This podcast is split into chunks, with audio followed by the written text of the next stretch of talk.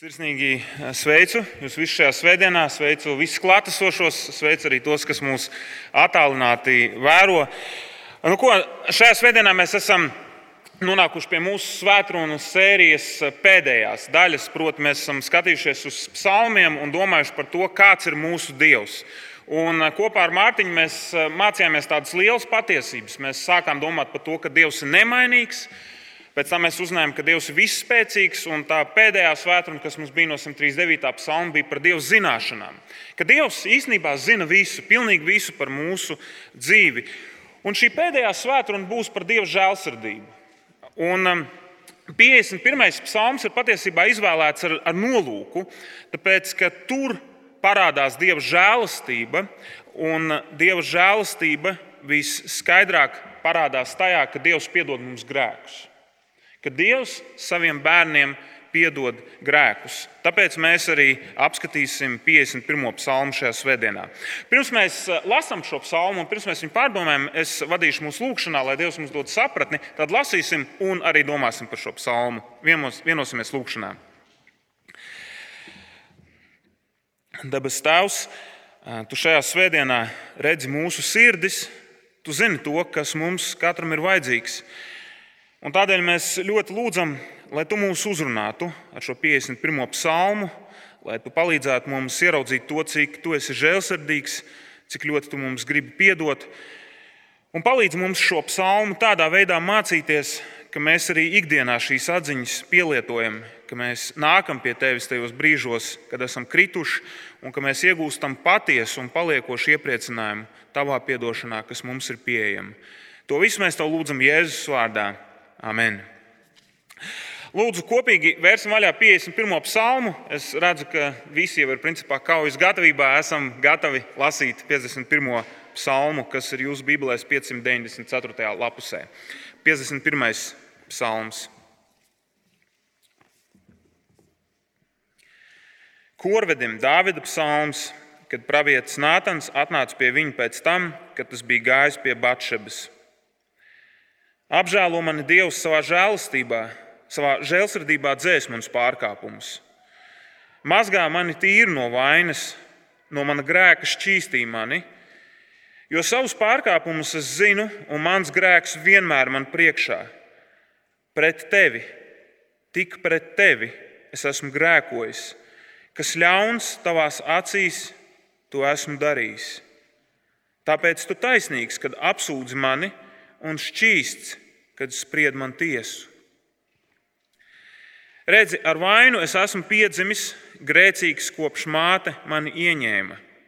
Redzi, tu gribi, lai manī ir patiesība, tad dziļi sirdī man gudrību māci. Manus grēkus izberz ar īzapu, ka topu šķīsts, mazgā mani, lai es baltāks par sniegu. Liec man dzirdēt gavelis un prieku, lai līksmo kauli, ko tu sadragāji. Novērsies no maniem grēkiem, dzēs visas manas vainas. Šķīstu sirdi rādi man Dievs un stingru garu atjauno manī. Nepadzen mani no sava vaiga, sava svētuma garu neatņem man. Dod atkal man prieku, ka tu mani glābi, spēcini mani ar labprātīgu garu. Es mācīšu pārkāpējiem tavus ceļus, un grēcinieki atgriezīsies pie tevis. No asins izliešanas pasargā mani Dievs, mans glābēji, mana mēlī gavilēs par tavu taisnību. Kungs, atdari manas lūpas, lai mana mute slavē tevi. Jo tev upuri nav paprātam, mans sadedzināmais upuris tev nepatiktu. Upuris dievam ir satriekts gars, satriektu, salauztu sirdi, tu dievs nenicināsi. Dari labu ciānai savā laipnībā, atjauno Jeruzalemes mūrus, tad tev patiks patiesie upuri, sadedzināmie un visi sadedzināmie upuri. Tad pienesīs uz tava altāra vēršus. Amen. Šis ir Dieva vārds. Es jūs mudinu turēt vaļā šo 51. psalmu, un, protams, kā tas ir ierasts, tad mēs nedaudz pastaigāsim pa Bībeli, mēs arī atskatīsimies uz kādām citām raksturvietām, bet ir labi, ka tas 51. Eh, psalms ir vaļā un ka mēs varam uz viņu fokusēties. Nu, principā, kad mēs paskatāmies uz šo psalmu, tad nevar nepamanīt vienu lietu. Daudz ko var nepamanīt, bet viena lieta tiešām tur nevar nepamanīt. Un tā viena lieta ir uzkrītoša, ka šajā psalmā Dāvids lūdz pēc grēku piedošanas. Tas vienkārši visu laiku atkārtojās. Ja, ja Dievs mums grib kaut ko uzsvērt, tad Viņš visu laiku to atkārto. Atkārto un atkārto. Es vienkārši parādīšu dažus no piemēriem. Paskatieties kopā ar manas 4. pantu.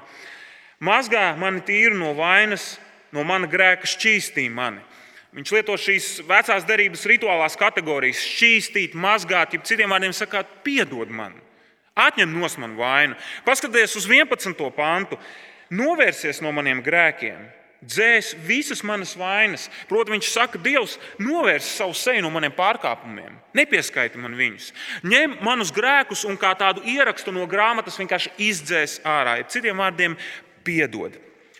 Un man liekas, ka ir ļoti svarīgi, ka mēs svētdienas sākumā definējam grēku piedošanu. Es zinu, ka kādu no mums ļoti labi no galvas zina, un pat labāk par mani varētu viņu nodefinēt, bet forši būtu, ja mēs vienkārši vienojamies par to, kas tas ir un kas tas nav. Grēku piedošana ir tad, kad Dievs savam cilvēkam nepieskaita vainu. Grēku piedošana ir tad, kad Dievs nepatur savas dusmas uz saviem ļaudīm.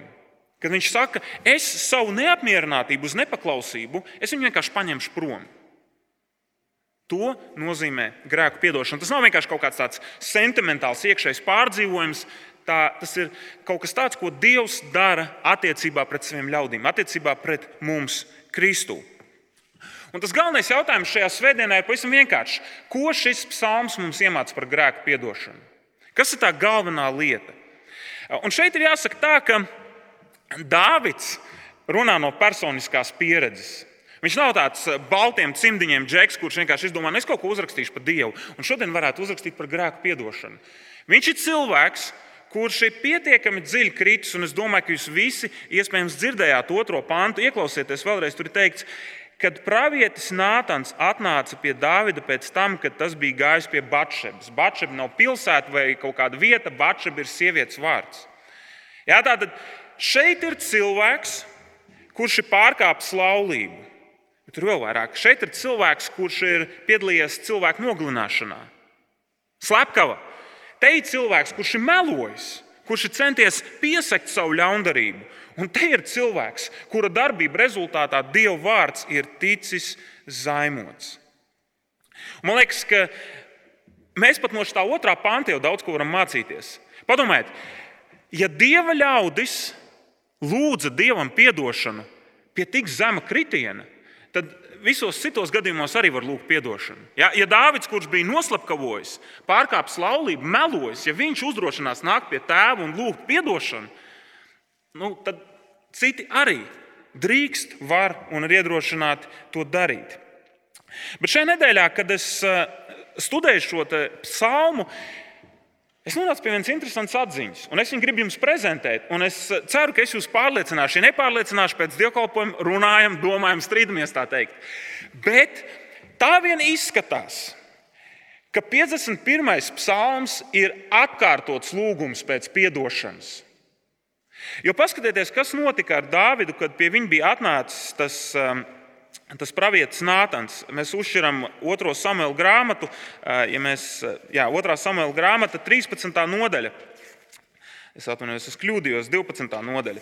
Otrā samuēlā 12. nodaļa, tur ir aprakstīts šis gadījums. Un paklausieties, kas notika. Dāvids teica Nātanam, es esmu grēkojis pret kungu, un pravietis Nātans atbildēja Dāvidam, kungs noņem tavu vainu tavu grēku, tu nemirsi.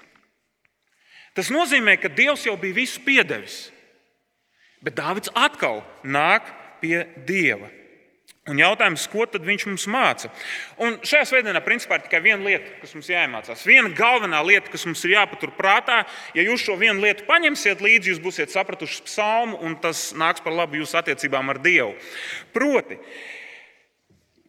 Lūkšana pēc atdošanas ir mehānisms, caur kuru mēs samierinamies ar Dievu. Un citiem vārdiem sakot, ka grēku piedošanas lūkšana ir vienīgais veids, kā kristietis var atjaunoties attiecībās ar Dievu. Jā, tas ir tas svarīgākais, kas mums ir jāiemācās.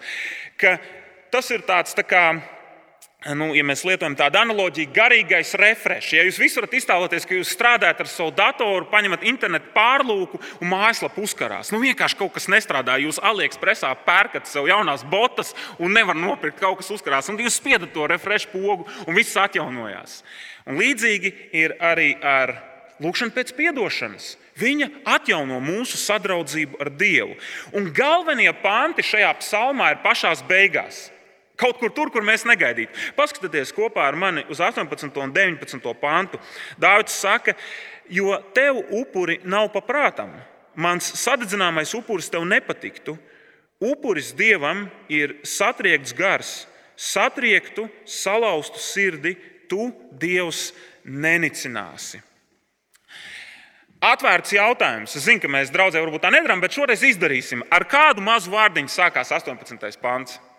Tāds mazs vārdiņš, un tie, kas ir detektīvi, tie man pateiks priekšā. Kauza?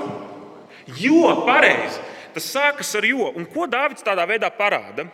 Viņš parāda, ka viss tā lūkšana, ko viņš lūdzas 17 pantos, tā lūkšana pēc atdošanas, viņa ir balstīta uz šo te, ko mēs tikko izlasījām.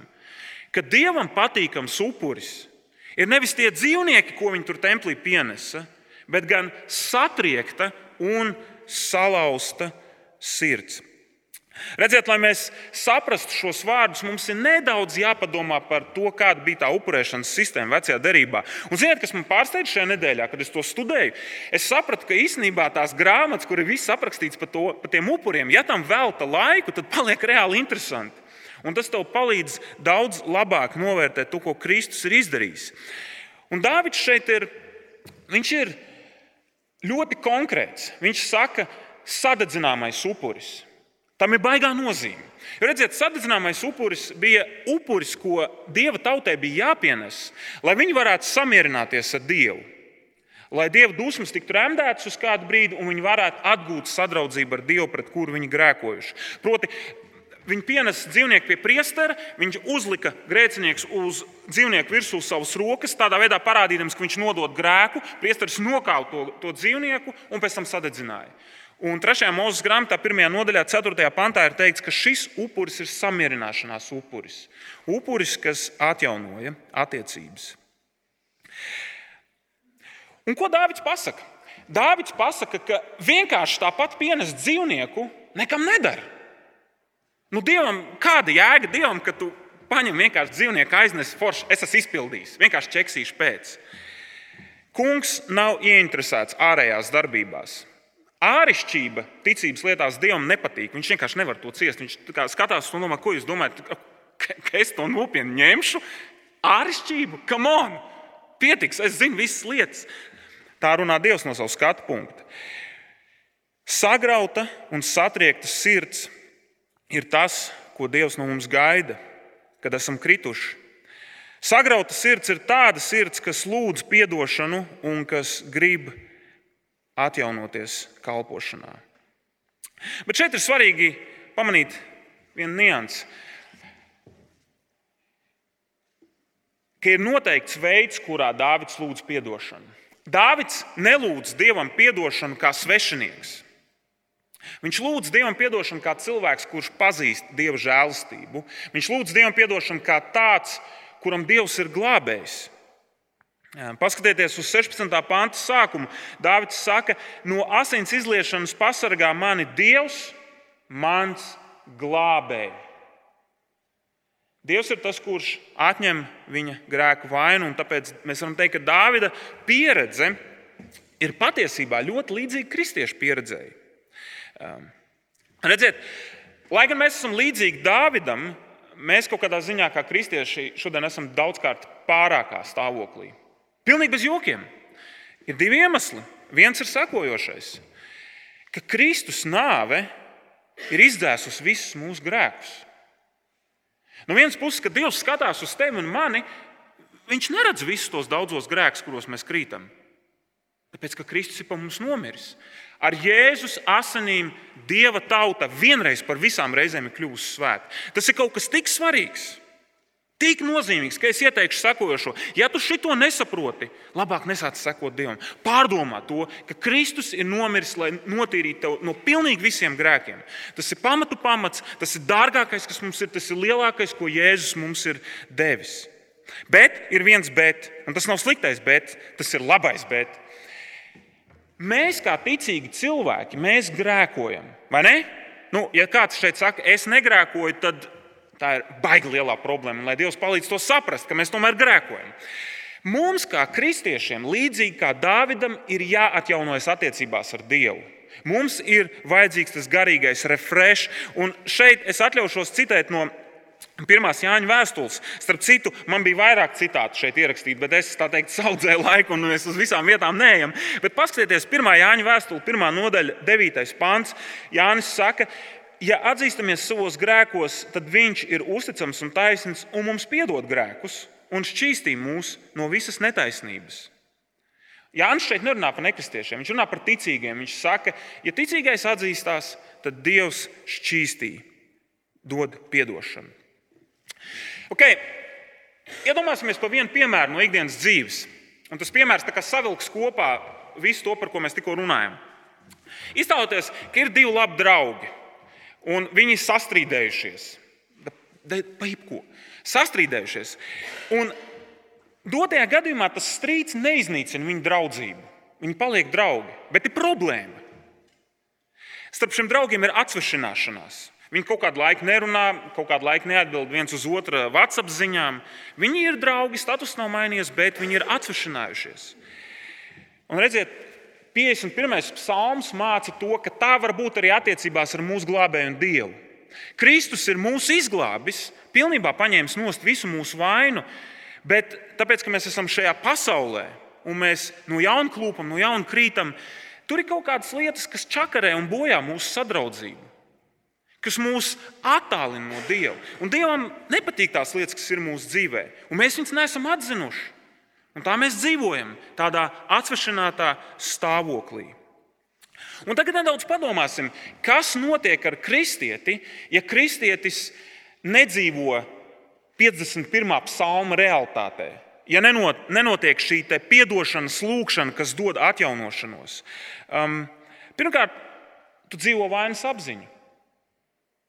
Ok, fine, tu svētdienā vari teikt, Jēzus spēkā es baigi krūtais esmu, bet pa lielam iekšā tev sēž tur tas demons, kas tev visu laiku čakarē. Tur ir tā vainas apziņa. Otra lieta, tu paliec apātisks kalpošanā Dievam. Kā, es ticu Jēzum, bet tur baigi tā nodoties, izstāstīt kādam evaņģēlī, kalpot draudzē, tas baigi neinteresē. Un mums nav prieka par Jēzu. Mēs ar skaudību atceramies tos brīžus, kad mēs eh, tikko, tikko palikām par kristiešiem, tad bija prieks, un tagad tā vairs nav. Tagad vienkārši ir totāla rutīna. Un 51. psalms ir evaņģēlijs, tās ir labās ziņas. Šis reāls lietas, tas ir kaut kas tāds, kas mums visiem ir vajadzīgs. 51. psalms rāda, ka Dievs negrib, lai mēs paliekam tajā stāvoklī. Dievs mums ir devis grēku piedošanas lūgšanu, kas ir kā cīņas ierocis. Es nezinu, vai mēs tā kādreiz esam domājuši, bet īstenībā grēku piedošanas lūgšana ir cīņas ierocis. Garīga refresh funkcija. Principā mēs varam iztēloties maratonistu, kas skrien un kuram kabatā ir batoniņš, šokolādes, un kad viņš pagurst, tad viņš nepārstāj skriet, bet viņš to batoniņu apēd, lai viņam būtu spēks vēl turpināt šo skrējienu. Un līdzīgā veidā ir ar grēku piedošanas lūgšanu. Es klausījos kādā mācītājā, un viņš ļoti labi teica, ka būt par kristieti nozīmē būt par glābtu cilvēku. Bet, kad tu esi glābts cilvēks, tad tava tuvība ar Dievu var piedzīvot dažādas izmaiņas. Un šī tuvība no Dieva ir kaut kas tāds, ko, ko Kungs vēlas, lai mēs piedzīvojam. Un grēka vaina ir kaut kas tāds, kas mums traucē viņu piedzīvot. Un, lai mēs viņu atgūtu, tad Dievs ir devis grēku piedošanas lūgšanu. Nu, ko, šajā svētdienā man ir tāda viena atzīšanās. Atzīšanās ir pavisam vienkārša. Lai šo psalmu kvalitatīvi sludinātu, vajadzēs divus sprediķus. Ar divus sprediķus nebūs, būs tikai viens. Tāpēc, tāpēc Es ļoti selektīvi pievērsīšos galvenajām lietām. Pēc dievkalpojuma es zinu, ka man nāks virsū pārmetumi. Teiks, kāpēc tu šito nepaņem? Kāpēc tas pants nav izskaidrots? Kāpēc tas pants nav izskaidrots? Fine. Pievērsīsimies galvenajam, un es ceru, ka satverot šo galveno, mēs arī satvērsim visu pārējo. Paskatieties kopā ar mani 7. līdz 8. pantā. Un, um, es viņu nolasīšu nedaudz citā tulkojumā tulkojumā, kas ir adekvātāks. Uzmanīgi paklausieties. Redzi, ar vainu es esmu piedzimis, grēcīgs, kopš māte mani ieņēma. Redzi, tu gribi, lai man ir patiesība, tad dziļi sirdī man gudrību tu mācīsi. Es pieņemu, ka ik viens no jums var iztēloties lielu ceļu zīmi. Jūs braucat pa nakti uz kaut kurienes šosei, un tad ir liela ceļa zīme, kas vienkārši saka, stop! Priekšā avārijas, stop, priekšā ceļa remonts, stop, priekšā maidzīvnieki iet pāri ceļam vai kaut kas tamlīdzīgs. Un redziet, tā arī šajā psalmā. Šis psalms ir viena lūkšana par atdošanu, pēc atdošanas, pareizāk sakot. Un šajā psalmā Dārvids ieliek tādu, tādu zīmi, viņš ieliek tā tādu dārgumu, un viņš to pasvītro ar šiem vārdiem, kas ir arī oriģinālā. Redzi, Viņš lūdz pēc atdošanas, viņš saka, tagad apstājies, tagad apstājies. Ot, uz šito tev ir jāpaskatās, šim tev ir jāpievērš savas domas. Un tā kā Andrejs Priedīts nedēļas laikā man jautāja, bet, okay, kas tad ir tas, ko Dārvids grib, lai mēs ieraugam? Un tas ir mūsu svētdienas pirmais apakšpunkts. Mums ir jāsaprot tas, ka lūkšana pēc grēku piedošanas īstenībā ir Dieva darbs. Es atkārtošu vēlreiz lūkšana pēc grēku piedošanas nav mūsu darbs.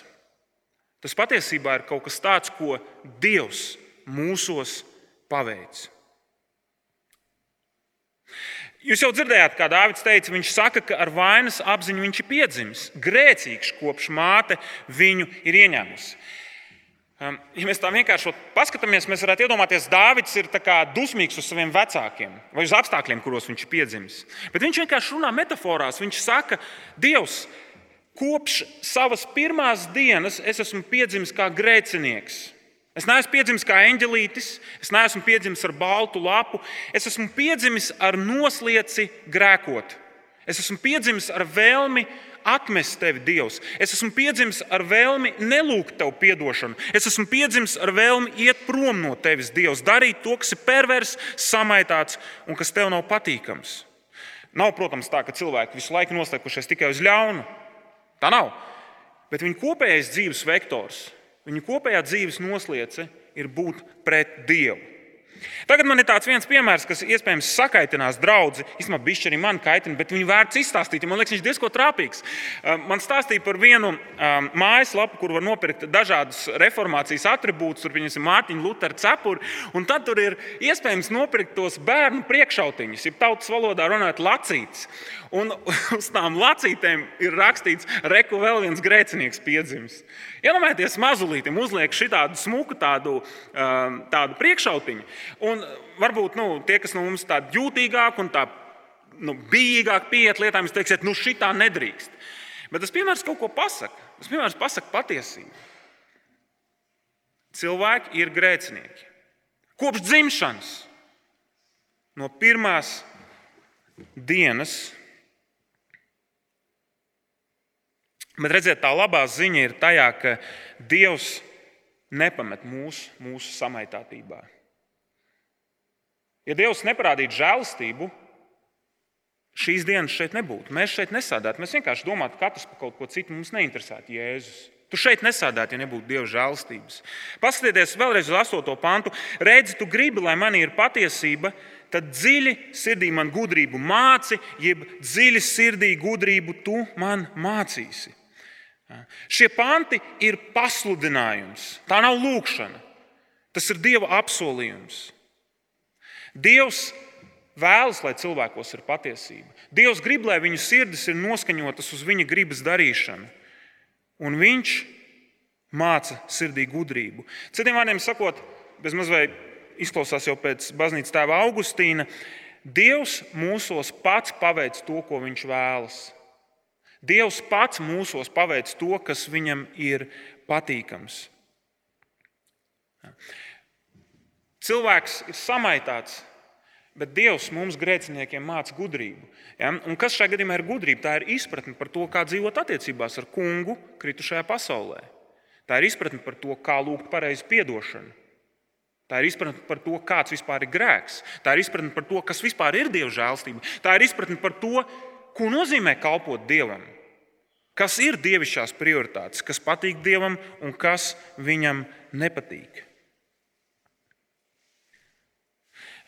šeit nelaiž tāds piemērs no mašīnu pasaules.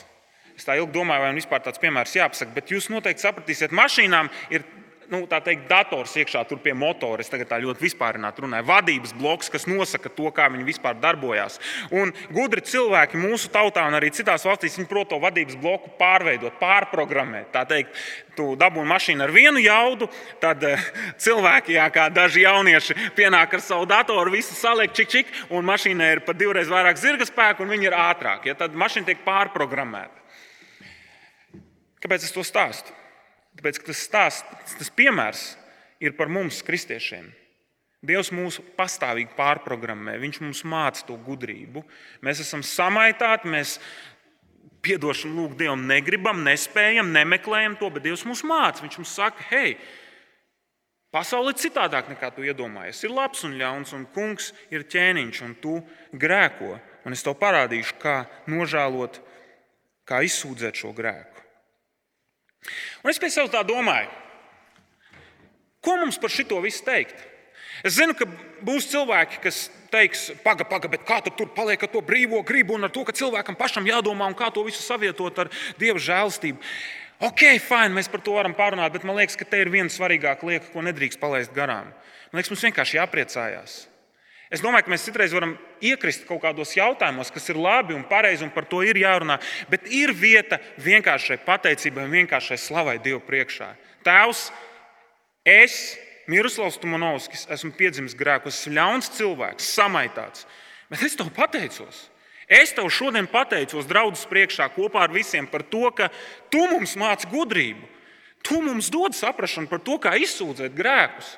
Tēvs, paldies tev! Tā ir dāvana. Tas nenāk no mums. Padomāsim par to.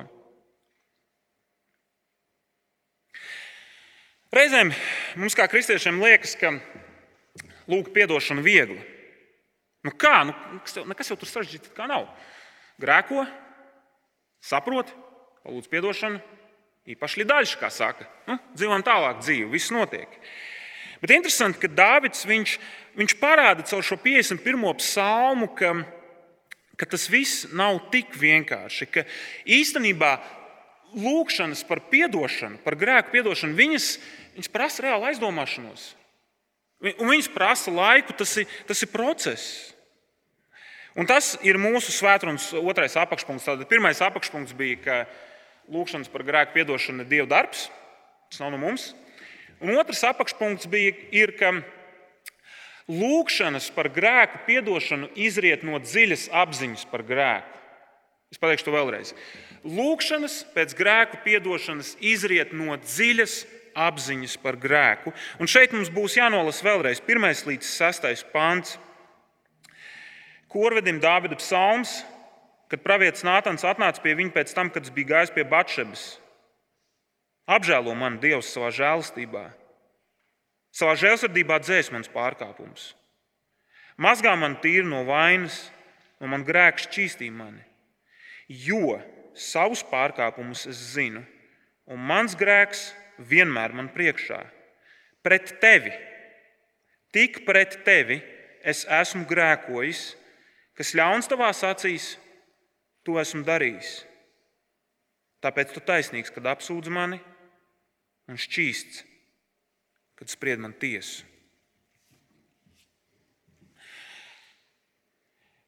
Kā jau es jums to sākumā norādīju, tad 51. psalms ir atkārtot lūkšana par grēku piedošanu. Un mēs redzam, ka, ka Dievs deva Dāvidam šo iespēju dziļāk saprast, kāda bija viņa novirzīšanās. Un Dāvida lūkšana sākās ar to, ka viņš atkārtoti piesauc Dieva žēlastību. Tas ir vārds, ko mēs tik bieži lietojam. Tas ir patiesībā visdārgākais, kas mums ir. Tas vienīgais, kas mums ir attiecībās ar Dievu, mūsu darbi, sorry, nevaram to izdarīt. Tikai Dieva žēlastība. Un paskatieties, viņš trešajā pantā. Ok, es biju pakāpšos atpakaļ. Jā, tad viens ir, ka mēs šeit sēžam draudzē, un tas ir normāli. Mēs, mums ir savu grēku, vai ne? Bet tur ir cilvēks. Un tad vienkārši padomāsim oriģinālo kontekstu. Viņš ir publiski pārkāpis laulību, un viņš, kas man kā vīrietim baigi uzrunā, viņš ir savu čomaku, Ūriju, kas viņam bija ar, armijā, karvadonis, viņš viņu nosūtīs nāvē. Es jau jums to vienreiz esmu teicis, un es atkārtošu, ja Dārvids sēdētu šeit blakus, mēs visi sēdētu tur. Okay? Iedomājieties, ienāk čalis, un mēs zinām, tas ir slepkava. Un bandīts. Un šis bandīts saka, apžēlo mani. Savā žēlsirdībā dzēs manus pārkāpumus. Kas ir šī žēlsirdība? Kas tas ir? Mēs šodien jauniešiem tieši runājam par to, ka vajag jau domāt par to vārdu nozīmi. Nepietiek, ka mēs vienkārši Dievs ir liels. Come on, bet ko tas nozīmē? Tāpat arī Dievs ir žēlsirdīgs. Bet ko tas nozīmē? Ziniet, tas nozīmē vienu lietu, ka viņam ir vienkārši prātam neaprakstāms raksturs. Viņš ir nenormāls, sirsnīgs sirsnīgāks kā jebkurš cilvēks. Tas patiesībā ir raksturs, ko Dievs atklāja saviem ļaudīm vecajā derībā. Dievs, redziet, mēs citreiz iedomājamies, ka viņš ir tāds ķēniņš, kurš ir taisnīgs. Un viņš ir bijis žēlsirdīgs. Un tad tu pie viņa nāc, Dievs, lūdzu, piedod man tos grēkus. Viņš to skatās. Atkal, atkal tu grēkoji, bet fini, es tev šoreiz piedošu. Šoreiz piedošu. Un tas ir nepareizi. Dievs ir kā mīļš tēvs, kurš saka, Es tevi mīlu, es tevi reāli mīlu. Cik vien iespējams daudz es tevi mīlu, un es tev gribu piedot. Dievs ir kā tāds, kuram patīk novērst dusmas. Viņam, viņš gūst no tā prieku, ka viņš var nedusmoties uz grēcinieku, viņš var parādīt sirsnību. Jonas grāmata. Pravietis Jona, ziniet, kā viņš beidzās? Viņš ir dusmīgs uz Dieva žēlastību. Viņš krāta Dievam durvis, viņš saka, es taču zināju, ka tu apžēlos tos niniviešus. Es taču zināju, ka tu tiem grūtniekiem piedos. Man liekas, tas ir nenormāli komiski. Un, un tas ir forši, tāpēc, ka tas parāda to, cik žēlsirdīgs ir mūsu Dievs. Dāvids nāk pie žēlsirdīga Dieva. Un viņš ir nonācis pie vienas svarīgas apziņas. Viņš nesaka, es vienkārši esmu grēkojis. Paskatieties uz 6. panta sākumu. Tas ir baigi interesantais pants pret tevi. Tik pret tevi es esmu grēkojis. Dievs, mans pārkāpums ir galvenokārt pret tevi. Un mums te ir tā kā viņš aizdomājās, ko viņš tagad sāk attaisnoties. Nu, tur nogalināt cilvēki, tur laulības pārkāpšana, tur šausmas. Bet Dārvids saprot, ka grēka būtība ir vienmēr pāri nodarījums dievam. Jo redziet, Dievs ir ķēniņš pār realitāti, un Dievs ir ķēniņš pār mūsu attiecībām ar citiem cilvēkiem. Un, ja mēs nodaram pāri citiem, tad patiesībā mēs nodaram pāri mūsu debes tēvam, kurš šo likumu ir devis. Ja tu pārkāp radītāju gribu, tad tu vērsies pret viņu personīgi. Dievs mums pavēl mīlēt citus, un ja mēs nemīlam citus, tad mēs saceļamies pret Dievu. Dievs mums saka, es apmierināts, neiekāro, un ja mēs sākam iekārot, tad mēs grēkojam pret pašu Dievu. Ja padomāsim par to. Grēks nav vienkārši neaiziet uz baznīcu. Tas patiesībā ir, nu, kā lai par to vienkāršāk pasakā, tā ir novēršanās no Dieva. Tas ir ir konfrontācija ar pašu radītāju. Mūsu kristiešu gadījumā tas ir vēl sāpīgāk. Es vienreiz pēcpusdienā gāju no darba, un es par to domāju, un es sapratu, ka kristiešu gadījumā grēkošana vēl sāpīgāk liek, tāpēc ka mēs grēkodami vienkārši novēršamies no mūsu tēva, kurš mūs ļoti mīl. Mēs sakām, tu mums vairs neesi vajadzīgs, mēs tagad paši darīsim. Mums ir šajā psalmā jāsajūt, cik tas ir smagi. Ja mēs to nesajūtam, tad veltīgs ir mūsu pārdoms. Tad ko es vispār šeit daru? Tad tāpat labi varēja nesludināt arī. Fine, tad vienkārši ejam mājās uzreiz. Ja? Mums ir tas jāsadzird. Tas ir pret Dievu. Un Dāvids ne tikai atzīst, ka, ka, ka tas ir pret Dievu, bet, bet viņš neattaisnojās. Necik. Viņš vienkārši ir uz zemes. Viņš saka, Dievs, es pret tevi esmu grēkojis, un jā, es esmu vainīgs. Ja paskatieties uzmanīgi uz 6. panta beigām, kur viņš saka, es esmu grēkojis, kas ļauns savā acīs, to es esmu darījis. Tāpēc tu taisnīgs, kad apsūdz mani, un šķīsts, kad spried man tiesu. Man liekas, šī ir viena no tām retām reizēm, kad jaunais psalmu tūkojums latviešu valodā ir reāli izdevies. Angliski lasi, brr, neko nevar saprast. Veco tūkojumu lasi, arī nevar saprast. Jauno tūkojumu izlasi, bum, ļoti labi. Bet tur ir šī doma, ka Dāvids apzinās savu vainu. Klausamies uzmanīgi. Viņš uzņemas atbildību par to vainu. Viņš nesaka, Batšepa vainīga. Ko tu tur mazgājās? Viņa nezināja, ka es uz jumta būšu, ka man ķēniņa ģēles jāpārskata pilsētā. Nē, nē, Dievs, es esmu vainīgs. Un, un Dāvidam vajadzēja laiku. Es domāju, ka ka šis ir baigi grūti, tas, par ko mēs tagad runājam. Tas, ko mums tagad Dievs māca, tas ir reāli grūti. Es pats atceros, pirms kaut kādiem trim mēnešiem es runāju ar vienu vecāku kristīgu brāli. Un, un viņš teica, Klau, mēs tagad runājam, un ir forši, bet pirms tam tu īsti nesaprati, ka tu esi vainīgs. Tu īsti nesadzirdēji. Un tad es viņam teicu, jā, es esmu slikts cilvēks, un tad mēs abi kaut kādu brīdi raudājam par to, cik tas ir briesmīgi, ka mēs esam grēcinieki. Bet nav kristietības bez šī. Ja, kristietība nav vienkārši e, morāla filozofija, kas palīdzēs tev ilgāk dzīvot. Tā kā atķekse e, kastīti Jesus and you'll be fine. Nu, tas ir tā, tiem, kas grib reliģiju nodarboties, ok, cool, dariet to, bet Bībele ir par attiecībām ar Dievu. Un attiecības ar Dievu sākās un turpinās cieši caur šo, ka mēs atzīstam savus grēkus. Atzīstam, neattaisnojamies. Šeit ir viens tāds piemērs. Es sapratu, principā, ka viņš vairs nav patiesa, ja, bet kādreiz tā bija, ka agrāk uz ceļa bija policisti. Ja, tagad viņi brauca ar trafarētu mašīnu, bet agrāk viņi bija netrafarētas mašīnas, daudz vairāk ceļu policistiem. Tur Volvo, kas vēl tur bija. Renault, jā, tā.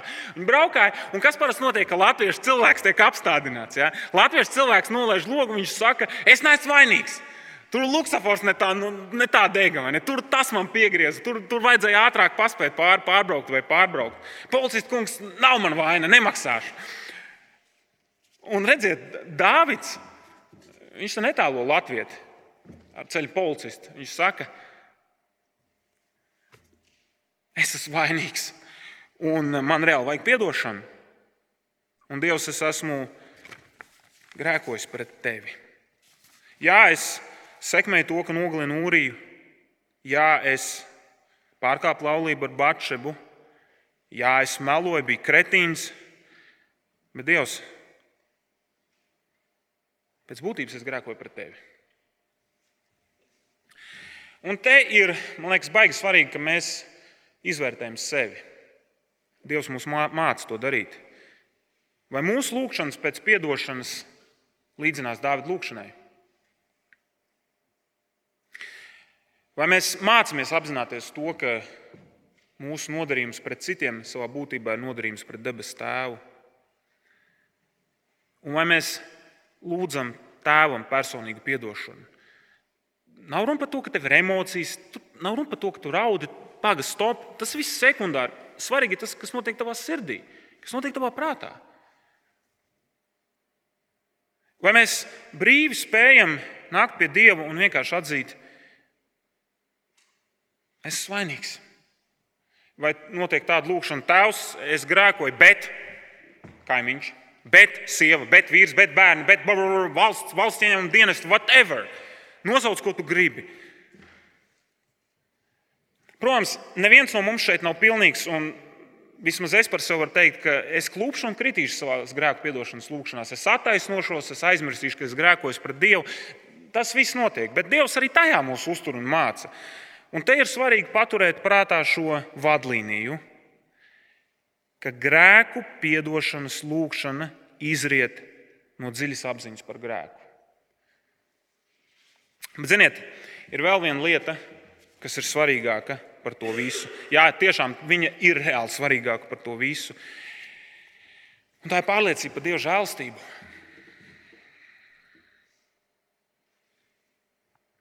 Kāds varētu teikt, cik ilgi jūs šajā baznīcā runāsiet par Dieva žēlstību? Nu, cik var? Come on! Bet patiesība ir tāda, brāļi, māsas, tas ir vienīgais, un tas ir dārgākais, kas mums Kristū ir. Tā žēlstība, kas mums ir izpirkusi, ir tā žēlstība, kas mūs uztur, kas aizvedīs mājās, kas mūs noturēs pie ticības arī šajā laikā. Un šeit ir tāds viens praktisks punkts. Es šeit runāšu vairāk tādā cīņas valodā. Ja? Kā man viens mācītājs teica, Miroslav, man tagad vispār neinteresē, kā jūties. Tad jāklausās to, ko es saku. Viņš tā man teica, es esmu priecīgs, viņš man tā teica. Un šajā svētdienā ir kaut kā līdzīgi. Ir viena lieta, kas mums ir jāiegaumē. Kas notiek kad kristietis grēko, kas ir tā populārākā reakcija? Populārākā reakcija, un to var saprast, mēs tajā brīdī vispār negribam domāt par Dievu. Kad mēs esam klupuši un krituši, mums tā kā liekas, vai labāk tagad Instagrams. Dievs tas būs vēlāk. Un, un tas, tā vēlme mūkt prom no Dieva ir līdzīga kā Ādamam, pirmajā mūža grāmatā. Ja, kad Dievs prasīja cilvēku, kur tu esi, viņi tā kā esam, esam paslēpušies. Mums gribas kaut kur aizmukt. Un redziet, 51. psalms, viņš nevis mūs nodauza ar morāli, kas ir mans izteiciens, ja nodauzīt ar morāles koku, bet 51. psalms mūs aicina atcerēties, pieminēt Dieva žēlsirdību. Kad mēs esam klupuši, tad mums ir jāpieradina savs prāts noskaņoties uz apžēlošanu, kas ir Kristū. Mums burtiski ir sevi jāpārvar. Tas ir tā, ka tu esi saslimis un tev tās tabletes jāiedzer. Tas negribās. Vienkārši negribās. Nu, ir tā bijis, ka tev ir temperatūra un tev, nu, kā, nu, jūs saprotat, reāli ikdienas situācija. Negribas tās tabletes, vienkārši gribas būt veselam uzreiz, bet, bet viņas ir jāiedzer. Un tu sev piespied un tu iedzer un dievplīgi atvesļojies. Un lūk, arī šeit. Lai samierināties ar Dievu, lai atjaunotos attiecībās, mums ir jāpieradina sevi, atgriezties pie žēlstības. Kad tu esi grēkojis, tu vari iegaumēt šo tekstu vai vienkārši pieņemt viņu kā savu paraugu. Tu saki, es esmu grēkojis. Man nav ar ko attaisnoties. Es esmu vainīgs tēvs. Jā, es to izdarīju, es to padomāju. Nevis viņi vainīgi, bet es esmu vainīgs. Un es esmu grēkojis pret tevi. Bet tu esi mans tēvs. Un es zinu vienu lietu, ka tev patīk piedot. Es nedrīkstu tavu piedošanu uztvert viegliprātīgi un izlietot viņu negodīgi, bet nav lielāka grēka par to, kā apšaubīt Dieva žēlstību. Tas, es nezinu, vai mēs par to esam domājuši, bet ja mēs apšaubām Dieva žēlstību, tas arī ir grēks. Tāpēc, ka Kungs nāk pie mums un saka, es jums gribu piedot. Es jums gribu atņemt vainu. Un, ja kristietis saka, nē, nē, nē, tagad nē, tad pēc būtības viņš savā sirdī pateicis, Dievs, tu esi pārāk labs, tagad neesi vajadzīgs. Tas ir vēl viens grēks, kas mums jānožēlo, ja tā ir. Un, protams, es šeit nerunāju par formulu. Nu, vienkārši nu, sagrākot, tas zina, man baznīcā teica, Dievs uz ēšanu, bum, visu atrisina. Nē, te ir runa par tādu kopēju noskaņojumu. Kas ar tevi notiek? Kas notiek ar tavām domām, kad tu esi klupis un kritis, vai tu uzreiz griez muguru, vai tu saki par spīti sajūtām, par spīti situācijai, par spīti tam, ko citi par mani padomās, par spīti tam, ko es pats par sevi domāju. Dievs, tu esi žēlsirdīgs, piedod. Viens vec, vecāka gadagājuma brālis man teica, Miroslav, ir jāmācās nekaunīgi cerēt uz Dieva žēlastību. Nekaunīgi tas ir slikts vārds, vai ne? Tāpēc, ka nu, tas ir tā bezkaunis uzvedās, bet tur ir kaut kas pareizs tajā vārdā, šajā kontekstā. Nu, tā, kā, tā kā mazi bērni, kuriem, kuriem ne, ka, ka viņi kaut kādas problēmas taisa, viņi pieskan pie tēta, reku, tas ir mans tēvs, tā kā to ar viņu runā. Ja? Tāda maza bezkaunība. Un mums jābūt līdzīgiem kā Dieva bērniem. Mēs esam sagrēkojuši, mēs nevis uztveram grēku pavirši un virspusēji, bet mēs skrienam pie tā žēlstības, kur ir atdošana un kur ir atjaunošanās. Un, ja, ir, ja tā ir tā trajektorija, pa kuru skries mūsu sirdis, uz kuras mēs uzliksim savu prātu, tad jūs redzēsiet, kas notiks. Dievs dos atjaunošanos, Viņš dos prieku, Viņš dos šo vēlmi kalpot viņam, šo šķīsto sirdi, kas ir 12. pantā, stingru garu. Jā, starp citu, tur ir lūkšana par atjaunošanos, ka mums nepietika laika. Bet tas nekas, ja mēs zinām, ka lūkšana pēc atdošanas atjauno, ja mēs zinām, ka tā pamatojas Dieva žēlstībā, ja mēs zinām, ka grēka pamats ir nepaklausība pret pašu Dievu, ja mēs zinām, ka attaisnoties ir pilnīgi bezjēdzīgi, atjaunošanās nāks, viņa tik tiešām nāks. Kopsavilkums visam tam, ko mēs esam šodien iemācījušies. Kas ir tā galvenā lieta? Par ko ir 51. psalms? 18. un 19. pāns. Jo tev upuri nav paprātam, mans sadzināmais upuris tev nepatiktu. Upuris dievam ir satriekts gars, satriektu, salauztu sirdi, tu Dievs nenicināsi. Tas ir vienīgais, kas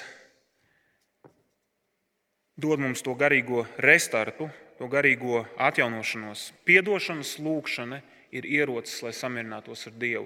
Mums viss jau ir piedots Kristū. Un tāpēc, ka mēs klūpam un krītam, mums ir jāatjaunojas. Un sadraudzību atjauno lūkšana pēc atdošanas, bez jebkādas attaisnošanās. Un, ziniet, mums panīkums ticības dzīvē var iestāties dažādu iemeslu dēļ. Mēs dzīvojam kritušā pasaulē. Viss kaut kas var notikt. Vai nu veselības streiko, vai vienkārši nogurums. Bet reizēm, un es uzsveru reizēm, un katrs lai pats saprot, kā tas izpaužās viņa dzīves kontekstā, reizēm tāda apātija attiecībās ar Dievu ir tāpēc, ka ir neatzīti grēki. Tāpēc, ka ir kaut kas, kaut kāda vaina, kas nepatīk kungam, un kuru mēs neesam nesuši viņu priekšā, kur mēs turpinām spītīgi pie sevis turēt. Un 51. psalms saka, ka Dievs ir tavs mīlošais tēvs, kuram patīk piedot. Viņš grib tevi atjaunot. Ne, ne, nevis, nevis mācītājs to teica, bet 51. psalms to saka. Dievs tevi ļoti mīl, viņš tev grib atjaunot, viņš tev grib piedot. Un, ja Kristus ir nomiris par taviem grēkiem, kur nu vēl lielāks pierādījums tam visam var būt?